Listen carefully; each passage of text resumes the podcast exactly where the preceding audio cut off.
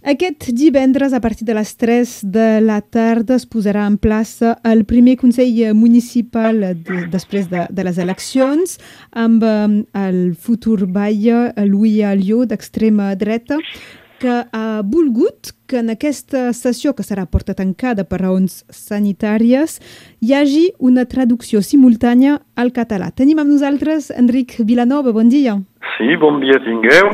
Hem pensat en, en demanar-te la teva opinió perquè recordarem eh, l'episodi del 2008. Eh, tu vas ser elegit eh, conseller municipal a, a l'Ajuntament de, de Perpinyà, eres a l'oposició i vas voler intervenir en català en el ple i fins i tot el batlle de llavors, el Joan Pau Aljuí, t'havia demanat a tu de, de pagar un traductor si realment volies continuar parlant en, en català. Doncs com reacciones al fet que sigui 12 anys més tard un ball d'extrema dreta que pagui per tenir traducció al català? A veure, no és ben bé tal com ho has explicat. D'acord. Explicaré una mica els meus records, a veure si poden ajudar a entendre. Nosaltres, Esquerra Republicana, i jo, doncs, com a membre d'Esquerra Republicana, vam anar a, a una llista amb la, la senyora Donat, que a la segona volta va fusionar amb la gent de la llista socialista. Doncs ens vam trobar a la segona volta eh, gent del Partit Comunista, del Partit Socialista, d'Esquerra i diverses altres formacions eh, d'Esquerra i ecologistes. Jo anava, doncs, eh, quarta a la llista i la condició perquè nosaltres integréssim aquestes llistes era de poder parlar sempre i tota hora, a qualsevol moment, durant la campanya i després, eh, una vegada elegits si hi havia de tocar, únicament en català. Això va ser acceptat per part de, dels membres de la llista, no potser de manera uh, fàcil, però era la condició perquè tinguessin, entre cometes, uh, un catalanista a la llista en tot cas, un catalanista d'esquerra. Vam sortir doncs, elegits i després van passar moltes coses amb el tema dels mitjons, però durant uns mesos, durant un any potser, jo vaig intervenir al Consell Municipal com a conseller municipal i ho vaig fer sempre en català.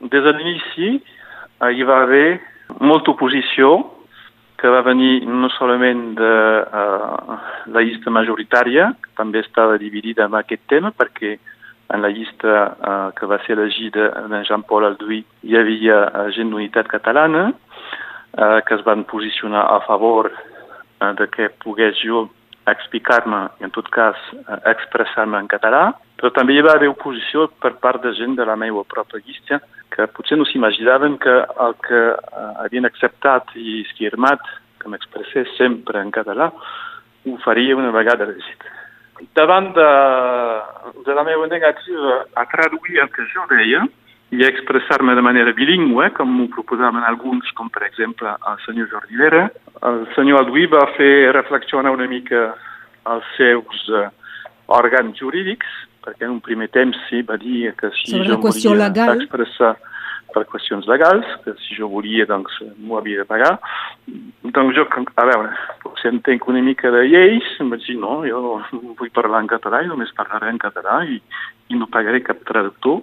Doncs la solució final que, que, es va, que es va trobar és la següent, o sigui que no hi ha cap text que prohibeix a un elegit d'expressar-se en la llengua que vulgui en el marc oficial i en un Consell Municipal, i va ser l'Ajuntament de Perpinyà que va designar dos traductors que feien la traducció eh, de les meves intervencions en directe durant el Consell Municipal.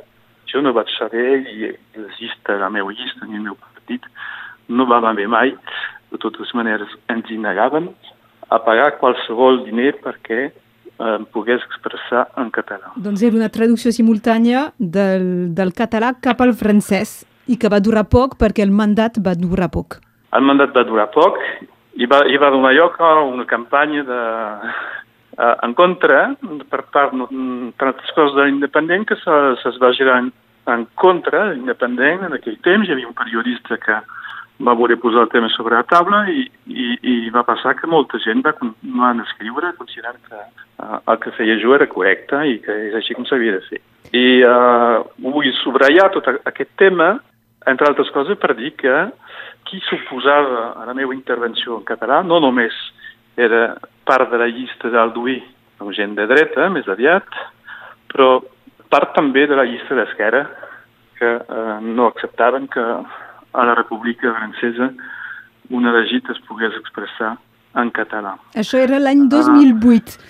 I Enric Vilanova, si ens posem al, al 2020, aquest eh, primer eh, nou Consell Municipal, eh, que serà l'elecció oficial eh, de Louis Alliot com a nou batlle de Perpinyà i que és ell que ha demanat que hi hagi traducció simultània al català, també hauria de ser en anglès perquè es farà a través d'internet i sense públic. Què n'opines? Eh, és que ho veus com una estratègia per seduir els votants catalans?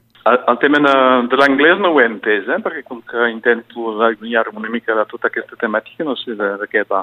Uh, jo diria que uh, uh, la Lió ha pres de la lliçó que, que vam no donar, però que, que es va donar al 2008, perquè el 2008 la Lió era de, les, de la gent que uh, i m'ho va venir a dir uh, durant les pauses que hi havia entre, durant els consells municipals, que ell a nivell personal entenia molt bé el català perquè eren pares valencians i de l'Arieja, occitans, que no tenia cap problema a nivell de comprensió del català, però que era només a nivell ideològic que suposava el fet que jo pogués parlar en català.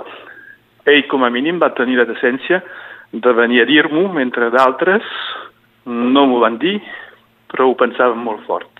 Uh, doncs jo crec que potser que ha après la lliçó i sap que perquè és un jurista, no pot oposar-se a, a la possibilitat d'utilitzar el català en el marc oficial a l'Ajuntament de Perpinyà.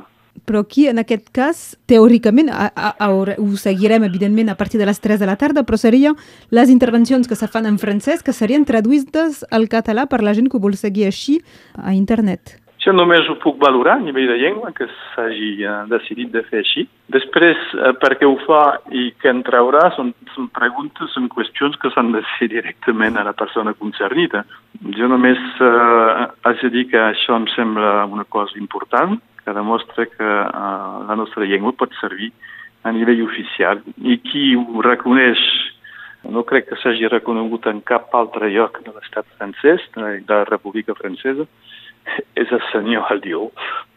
Algunes d'aquelles coses estranyes, però que fan pensar. Doncs això, fa, fan pensar, fan opinar i, i en volíem tenir la, la valoració de l'Enric Vilanova, un dels que va crear aquest debat també l'any 2008 de si hi havia d'haver traducció simultània del, del català al francès o del francès al català al ple de l'Ajuntament de, de Perpinyà. Enric Vilanova... Va, val a dir, una precisió, sí. eh, després, és que també es traduïen les ressenyes que es feien dels consells municipals, no? el, el, del català al francès, a, a l'escrit, vols dir, no només a l'oral. Sí, a l'escrit, sí. Queda puntualitzat. Enric Vilanova, moltes gràcies per aquestes explicacions. Moltes gràcies a vosaltres. Que vagi bé. Adéu, bon dia. Adéu.